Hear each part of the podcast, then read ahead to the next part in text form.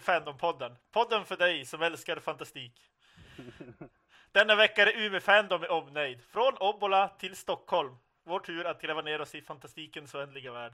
Mitt namn är Joakim Mäki. Och jag är kvällens moderator. Jag kan börja presentera Umeå Förening för Science Fiction. Vi har ju pubkvällar, bokcirklar, filmkvällar, spelkvällar. Allt... monologer. Ja, det också. Precis.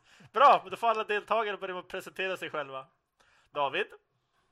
Hej, jag heter David. Jag bor i Umeå på grund av studier. Och sen fastnade jag Och jag... Inget spännande du, har, du började med när det gäller science fiction? Eller fantasy? Ja, det, det kom väl gradvis. En lång historia, vi kan nästan. Okej. Okay. Olof?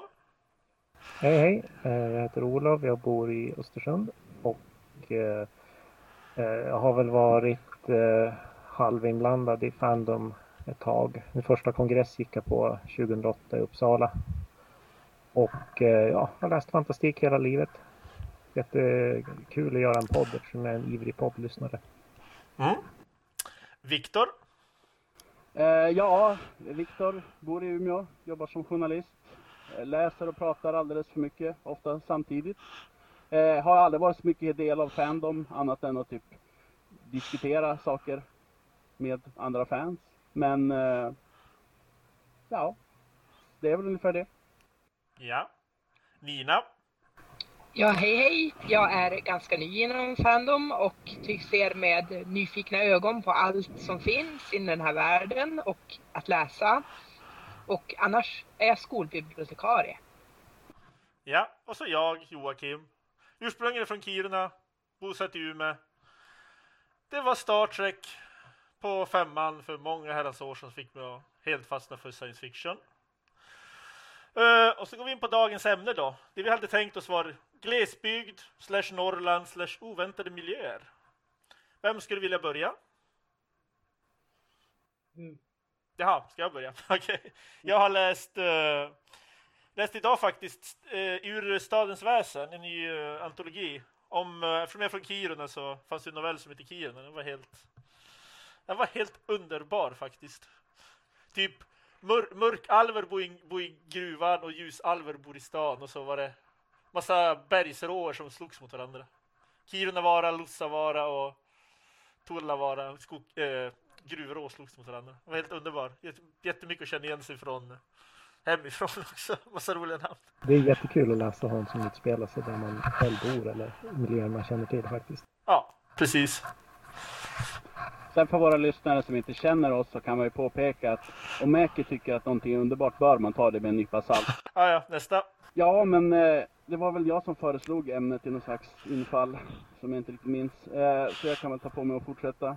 Eh, nej, men en bok som jag tycker om, som ju definitivt är norrländsk science fiction, är ju Svålhålet av Mika Niemi. Som jag har tjatat på samtliga närvarande och typ alla andra människor i mitt liv att läsa, vilket alldeles för få gör. Och det kan man väl säga att det är ungefär typ 50 Norrland och så 50 typ eh, Liftarens guide till galaxen. Och så mosar man samman dem till någon slags delvis oaptitlig men eh, underhållande röra. Som är då är uppdelad i noveller av olika slag. Eh, så den är ju fullständigt fantastisk. Den rekommenderar jag till alla. Som en konstigare Liftarens guide, typ. Jo, jag läste första novellen också faktiskt. Det var väldigt mycket vilken är, är den första den med stenarna eller vilken är den första? Uh, mannen som fiskar och sen flyger han över vattnet. Jaha, ja den är Fiskar. mer normala. Ja, det, men det kändes väldigt mycket norrländskt det tyckte jag. Så att... jag, jag gillar det där med namnen. Där han hade ihjäl en massa utomjordingar med namnet på jorden. Ja just det, ja. Ja, ja. ja den är bra. Fast jag, jag, jag har inte kommit så långt i den där för jag hade, trodde jag hade mer tid att läsa den. Ja. Ja, jag läste den när den var ganska ny. Ja, ursäkta. Ja, jag tänkte bara att när vi ändå pratar om Mikael Niemi så tänkte jag passa på att jag har ju läst den här Fallvatten som är en slags modern katastrofroman som utspelar sig i Norrbotten och det är Luleå älv som svämmar över. Och det bildas som dammen spricker och det bildas som en sorts dominoeffekt med en tsunami. Och så får man följa glesbygdsbefolkning och hur de liksom, liksom reagerar i den här chockfasen och lite efter katastrofen när den just har dragit igenom och så. Så jag tänkte att när vi är inne på Mikael Niemi att jag kan nämna den också. Jag tyckte att den var bra. Jag läste den för länge sedan och läste om den nu inför podden. Ja. Men den är, det är alltså någon sorts fantastik? Jag, kommer jag tänker att det är liksom eh, att det är liksom naturen slår tillbaka lite grann och det här med katastroftemat. Mm. För det är, det är väl inte direkt men det är väl just på temat glesbygd, Norrland. Ja. Som den kommer i. Ja, det är väl inget som är liksom övernaturligt eller så i den. Men det är just alltså, det är ja men en katastroffilm mm. på samma sätt som typ, eller ja katastrofbok då. På, på samma sätt som typ, ja men jag tänker mer de här riktigt stora episka fast i mindre skala, typ Day After Tomorrow 2012 och de där. Ja, just det. Fast de i mindre skala då, eller vad man ska säga. Plus att om man någonsin skulle filmatisera den så skulle man kunna produktplacera Saab utan att det skulle vara det minsta awkward. En av huvudpersonerna är en man som verkligen älskar sin Saab mer än en man någonsin borde älska en bil. Och som använder den för att typ överleva apokalypsen. ja. Jag tror det är en Saab i alla fall. Det är någon slags bil. Jag tror också det var en Saab. Ja, det finns alltså, en annan sån glesbygd. Ja. den, den enda glesbygdsbok egentligen som jag kan på som jag läst var väl Kleptomania av Kristina Hård. Som för övrigt jag tyckte var väldigt bra. Det handlar om någon äldre döende person som har gjort någon slags deal med trollen. Vart utspelas den? Uh, jag vet inte riktigt. Men det, den utspelas ju i naturmiljöer definitivt och delvis i Stockholm ju, i och för sig men... Mm. Men också... Ja. Den låter, jag läser precis, jag googlade på den precis nu, den låter rätt nice. Mm. Och det står att det är första delen i en längre serie också. Ja, hon... Om troll och annat otyg. Ja, hon hade problem med sitt förlag. Så det är lite osäkert när vi får uppföljaren. Den är alltså färdigskriven och klar. Det är bara det att um, Styx klantat det så jävla mycket, förlaget. Så hon, till slut så sa hon nej, men där tydligen så har det varit svårt att hitta någon som vill ge ut del, och börja ge ut del två i en serie. Ja, det är klart. Det är inte super. Det kan ju inte vara det lättaste att ge ut fantastik i Sverige heller. Han pålägger till exempel, han har väl gett ut sina böcker på ett nytt förlag för varje gång för att de lägger ner. Det är en sak som jag ändå tyckte är lite konstigt, alltså hur lite svensk fantastik som det egentligen finns med tanke på att alltså det läses ju jävligt mycket böcker i Sverige rent allmänt och folk läser ju väldigt mycket fantasy så jag förstår inte, är det liksom att folk inte skriver fantasy i Sverige eller är det att förlagen inte ger ut av någon anledning? Det är nog att de inte ger ut. Jag vet ju eh, Maktens vägar av Bertil Mårtensson. Den gavs ju ut i den här fantasy-härvan. Men eh, jag tror den, den, eh, den föll på det omslagen man valde till den. Den såg ut liksom som så det var några så här heraldiska vapen. De hade inte alls speciellt mycket att göra och det var uppenbarligen stoppbilder också för man hade ju sett dem någon annanstans dessutom. Mm. Så det, man, man, kände det så liksom John Henry undrade också varför sålde inte den där bättre på mm. han, han sa det, ja det undrar jag också men när jag tänkte efter liksom, de valde omslagen så jävla dåligt. Så jag tänker liksom alltså att stora företag, som ju de flesta förlag är, ja även små företag för den delen, brukar ju mm. gärna liksom så här, man ser att, ja men titta nu går det här bra, då kör alla på samma sak. Mm, för jag har en känsla av att eh, och då, deras dåliga val av omslag där kan ha saboterat för resten. Jo, jo, men jag menar att man kan tycka att liksom om man tittar utrikes så ser liksom Tolkien, Rowling, liksom fantasy-serier som säljer helt osannolika mängder, även i Sverige. Ja. Då kan man ju tycka att det borde liksom, ja, hade jag varit förlagsdirektör hade jag ju sett till att skaffa mig min egen Rowling eller vad man ska säga. Det, det är ju dock en väldigt snabbt starkt verkande, jag kan inte prata, snabbt växande marknad. Det kommer väldigt mycket de senaste 15-20 åren. 70-80-talet var det väl lite där mm. halvt om halvt, men nu framförallt urban fantasy och sånt är ju väldigt starkt verksamt även i Sverige. Jo, jo, men det är inte så, alltså, så mycket som, ge, eller vad ska jag säga, alltså, som skrivs här, eller vad man ska säga, som ges ut. Även om det är populärt att läsa och Jo, det var alltså svensk, svensk litteratur blev väldigt snabbt växande marknad för tillfället. Ja, kanske. Ja, det är roligt att se faktiskt på senaste kongressen att det var så himla många författare som var där och sålde böcker och, och så. Mm, jo, precis. Man märker bara på senare år att det varit utgivningen har ju ökat nästan lavinartat tycker jag i alla fall. Min egen känsla. Alltså hur mycket självutgivet dock. Alltså grejen är Jo. ju den att alla de där författarna som är på de där, man vet inte vilka de är. Man har inte läst några recensioner, ingen. Man skulle vilja att någon satte sig och läste de där och recenserade dem. Så man liksom, Det Mm. borde ju finnas en blogg om. Det känns som ett jättebra, jättebra idé till en blogg. mm, Men jo, med just, eh, ja, kanske inte finns så jättemycket just av glesbygds och Norrlands litteratur är väl lite mer ovanligt så att säga. Så den marknaden skulle kunna växa. Definitivt. Sen en sak eh, som ju går att förknippa både med dagens ämne och med det här som vi, sidospåret vi kom in på nu med liksom ge ut fantasy och så i Sverige. Är ju att skräck tycks ju däremot både skrivas och publiceras jävligt mycket i Sverige. Och det är ju liksom Viss skräck är ju som en del av fantasyn eller vad man ska säga, eller åtminstone en del av fantastiken. Ja. Så man ser, eh, nu står det till, vad heter han? Ajvide Lin- Jo- John Ajvide Lindqvist till Och Mats. Strandberg, Färjan. Men, Ja.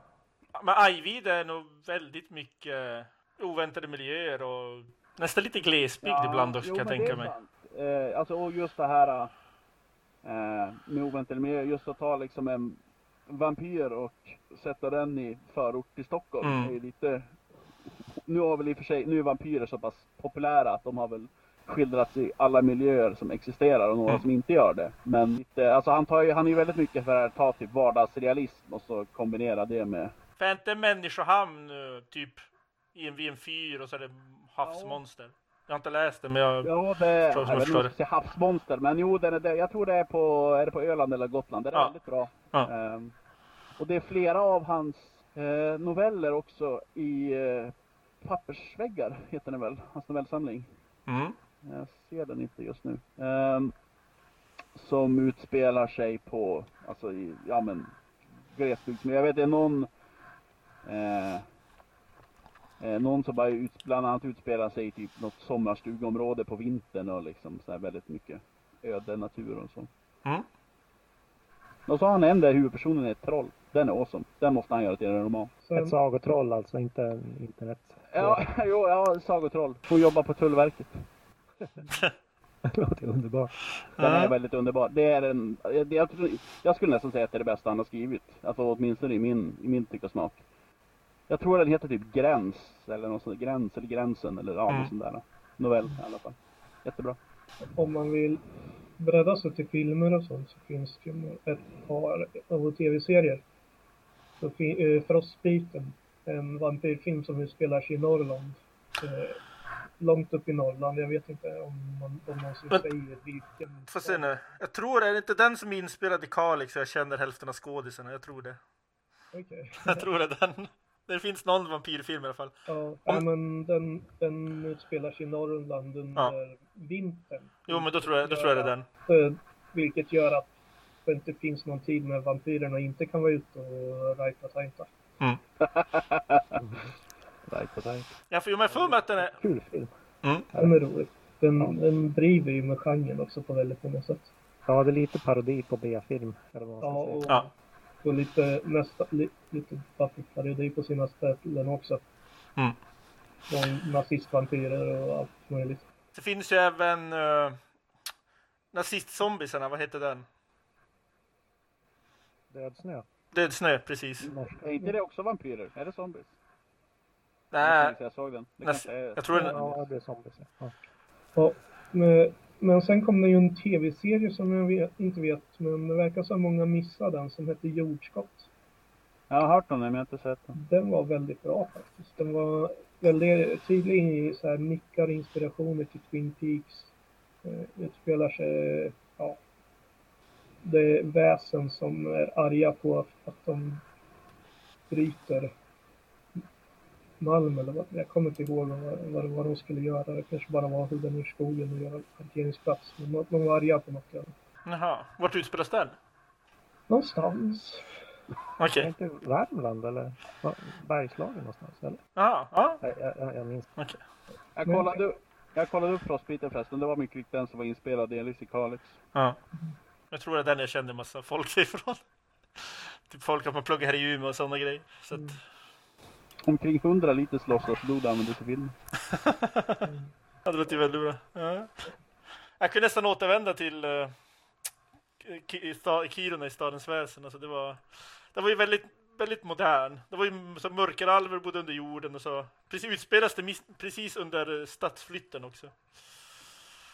Det var eh, typ Tull- Tullavara och Lus- Lussavara gjorde revolution mot Kirunavara. Eh, vilken, vad, het, vad heter den här antologin där den gick? Stadens väsen. Just det. Den är ganska ny va? Den kom så sent som 2015 eller 16 tror jag. 2016 kom den ut, ja. Akato Blepas. Ja, alltså men, i och för sig, jag kan ju i det här ämnet om man ska knyta om till där man själv levde så här och, jag kommer ju från Östergötland, Östgötaslätten där. Ja. Och Peter Nilssons Niag, projekt Niaga, alltså rymdväktaren och Niaga, Mm. och, eh, den utspelar sig ju delvis liksom i de trakterna. Så också en av de bästa svenska science fiction-romanerna, Projekt Niaga. Det gör den kanske, ja. ja. Men länge sedan jag läste den så kommer jag inte riktigt ihåg. Jag kommer ihåg hur den slutar. Så att... Och vissa sekvenser ur den, men inte exakt vart den Jag handlar. kommer Så. inte ihåg så mycket jag heller, men jag kommer ihåg att jag tyckte väldigt mycket om den och språkbruket och så här. Mm. Ja. My- Mycket mindblowing grejer i den. Jag. Ja, gud ja. Gud ja. Det ju, jag försöker ju simulera Gud vid tillfälle och skapa ett nytt universum. Det blir lite meta där också. Han... Nej men den, den är underbar. Någon som har något mer att tillägga eller ska vi gå lite vidare? Jag vet inte. Jag håller på att läsa en, alltså oväntade miljöer. Jag vet inte, det är svårt liksom, just oväntade miljöer i science fiction. Ja. Eh, så det är liksom, men den, den är intressant för den har typ alla miljöer. Den är, det, det är någon stor spira som går rakt ut i rymden och det är en stor stad som är, som är liksom är uppbyggd på spiralen som löper runt den här spiran.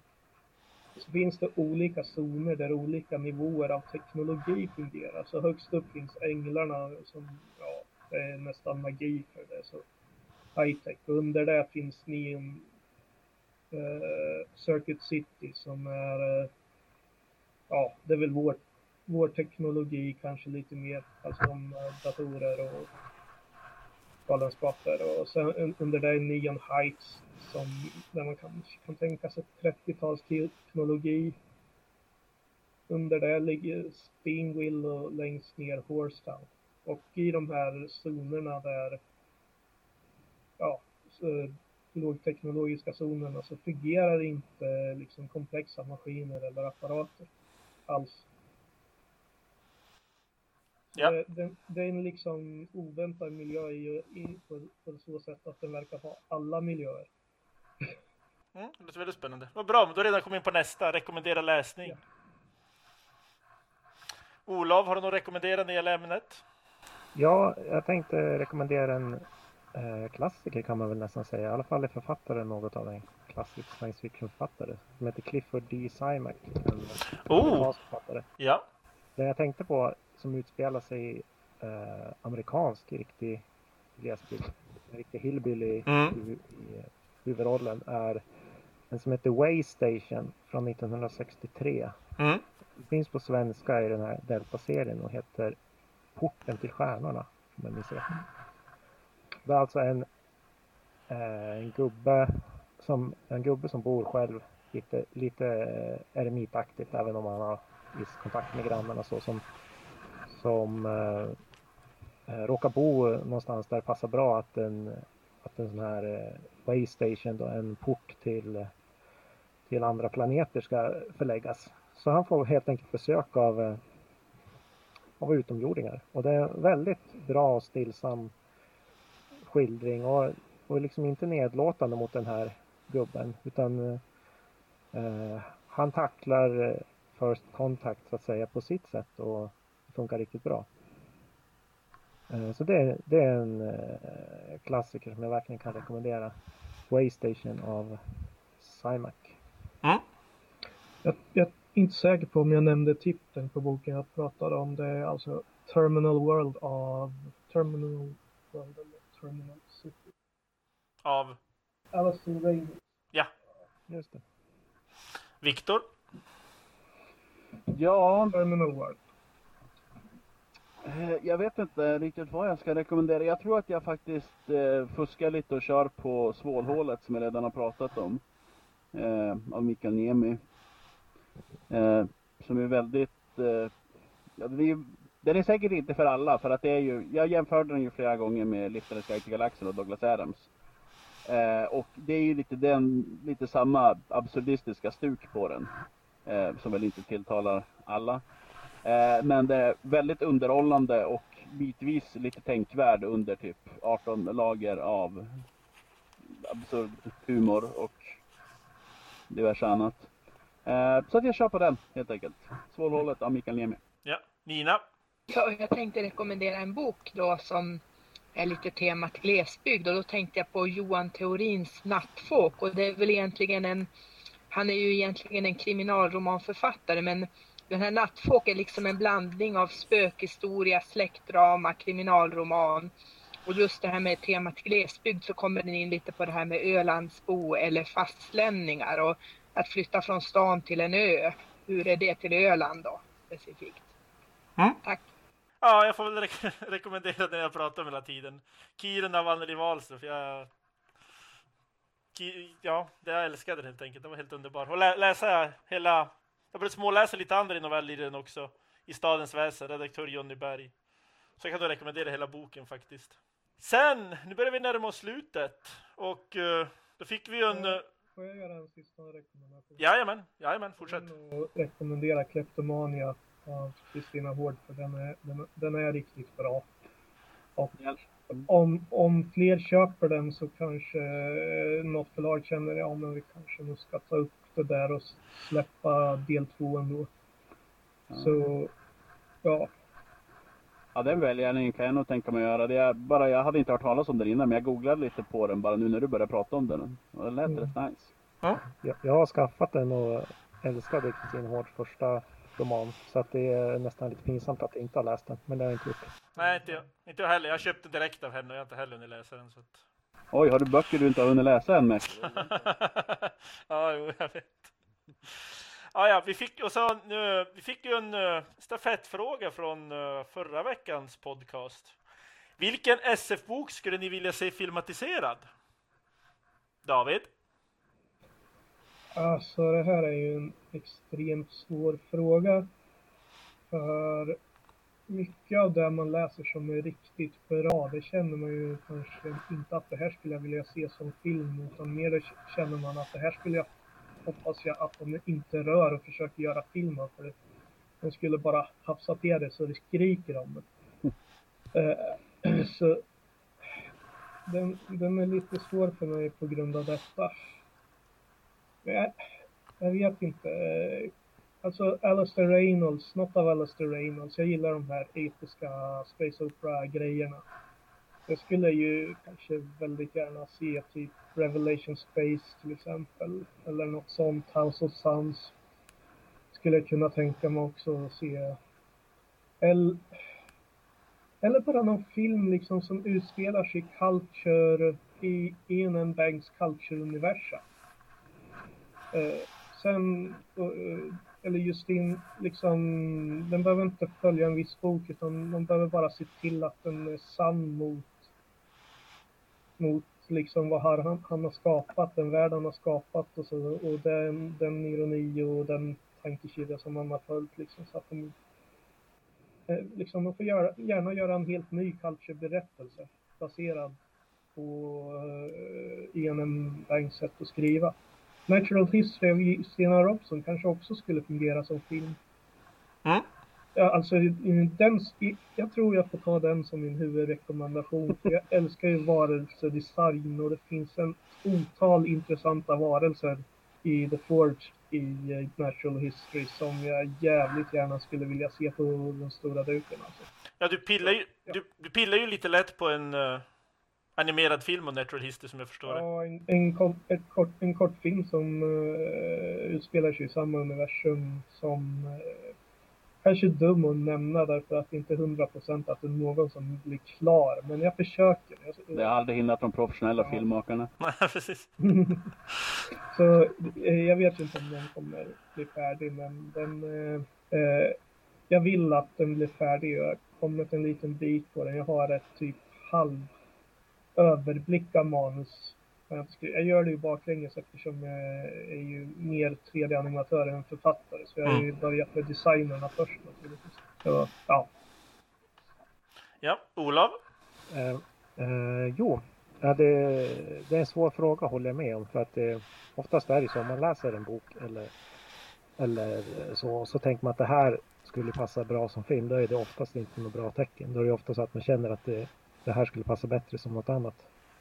Men eh, jag har tänkt på en som eh, jag gärna skulle vilja se. En skräck, eh, en kort roman som är en spökhistoria.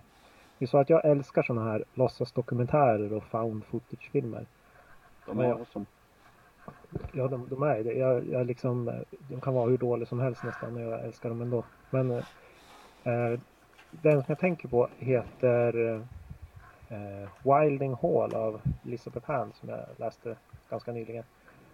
Och eh, den är upplagd så som ett, som ett reportage i en, eh, i en rocktidning om ett, eh, ett band som har släppt en klassisk skiva som spelades in på ett gods som heter Wilding Hall. Och så är det sammanfogat olika intervjuer med de som var med. Och det hände förstås någonting väldigt skrämmande och mystiskt där under den inspelningen. Så om den, om den gjordes riktigt bra då skulle det bli en kanon film i låtsasdokumentärgenren. Det låter väldigt spännande. Mm. Wilding Hall heter den av uh, Elizabeth Hand. Mm. Rekommenderas starkt. Viktor? Ja, eh, den här frågan har jag faktiskt funderat lite på inför podcasten till skillnad från de övriga där jag bara samlar. Eh, och eh, jag kom fram till tre olika svar, så jag kör väl på allihop. Eh, dels eh, så skulle jag gärna vilja se någon och det, beror, det är lite Davids fel, för det var väl han som postade den där typ eh, fangjorda trailern av det. Eh, alltså eh, Ancillary Mercy och ja, hela Imperial Ratch-serien av Handlecki skulle jag gärna se. Det var du som postade den trailern va? David? Ja, ja det, det var mm. Eh, Och så sen en annan sak, och det är väl lite fusk för det har redan filmatiserats eller tv-serieifierats i alla fall. Eh, men eh, jag älskar ju Dresden Files-böckerna av Jim Butcher. Och det har kommit en säsong av en tv-serie. Men den har jag inte ens sett för jag har förstått att de har gjort så mycket avsteg från böckerna så jag skulle bara hata den. Eh, så att eh, jag skulle vilja att de glömde bort den och gjorde någon helt ny filmversion av Dresden Files. Reboota den helt enkelt. Ja, precis. Eh, jag inser att jag är lite orättvis eftersom jag inte har sett serien. Men vissa saker tar jag mig friheten att hata osett. Eh, och sen mitt sista exempel. Det är lite, lite på samma sätt som, som David sa med Culture-böckerna. Att det inte är en specifik historia men utan mer ett visst universum. Och eh, det är världen från Deus Ex-spelen. Om de är bekanta för folk. Oh, ja. Mm. Ursprungligen Deus Ex och sen Invisible War, eh, Human Revolution och Mankind, Mankind Divided. Eh, jag är ju otroligt fast för cyberpunk och cyborgs och hela den biten. Och även där så tycker jag att det är, liksom, det är en väldigt spännande värld. Liksom, inte minst, vad ska man säga, sociologiskt eller politiskt. Framförallt i de senare spelen som de har skapat. Som jag gärna skulle vilja, alltså att, att filmatisera ett spels handling blir ju aldrig bra. Eh, men alltså att ta liksom, Spe, ja, göra något som utspelas i den världen skulle jag hemskt gärna se. Ja. Tack så mycket. Nina? Ja, jag är ju väldigt förtjust i att det finns mycket science fiction, eller mycket, men det finns science fiction som inte bara är västorienterad. Och den jag skulle vilja se som en film är Blue Remembered Earth av Alistair Reynolds. Jag har sett en väldigt trevlig boktrailer till den också. Och så tänker jag på det här med att man skulle kunna ha elefanter med och sådana figurer. Filurer. Elefanter? Ja, det är, elefanter har en väldigt stor Jag roll tror att han är elefanttränare, Jeffrey. Jaha, okej. Jag har inte läst Ja. det. så, okej. Ja, det- forskare. Han är inte elefantforskare om något slag. Jeffrey. Alltså Just att han är sån här... Men det, är- det är elefanter med i alla fall. Ja, då är det jag. Och jag, som jag alltid svarar när jag får den frågan. God Emperor of Dune.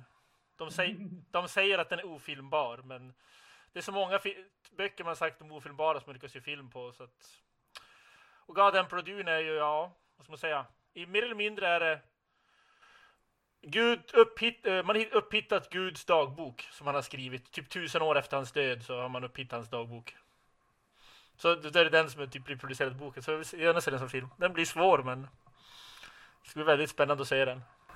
Är det tredje delen i Det är fjärde faktiskt. Okej. Det är ju Dune, Dune Messiah, Children of Dune, God Emperor of Dune. är fjärde. Sen är det Heretics och Dune och Chapter House Dune. Men framförallt fjärde. Sen när man ligger på femte och sjätte så är det ju jättebra. För första finns ju ett film av, eh, Lynch och miniserie. Och så finns ju eh, Dune Messiah och Children of Dune finns ju som en gemensam miniserie. Children of Dune. Så jag kunde se den som miniserie också, God på of Dune. Så länge man får se den på tv eller film i alla fall så ska jag vara jättenöjd. Bra, men då har vi ju närmare oss slutet. Så tänkte jag sk- skicka vidare en stafettfråga till nästa vecka.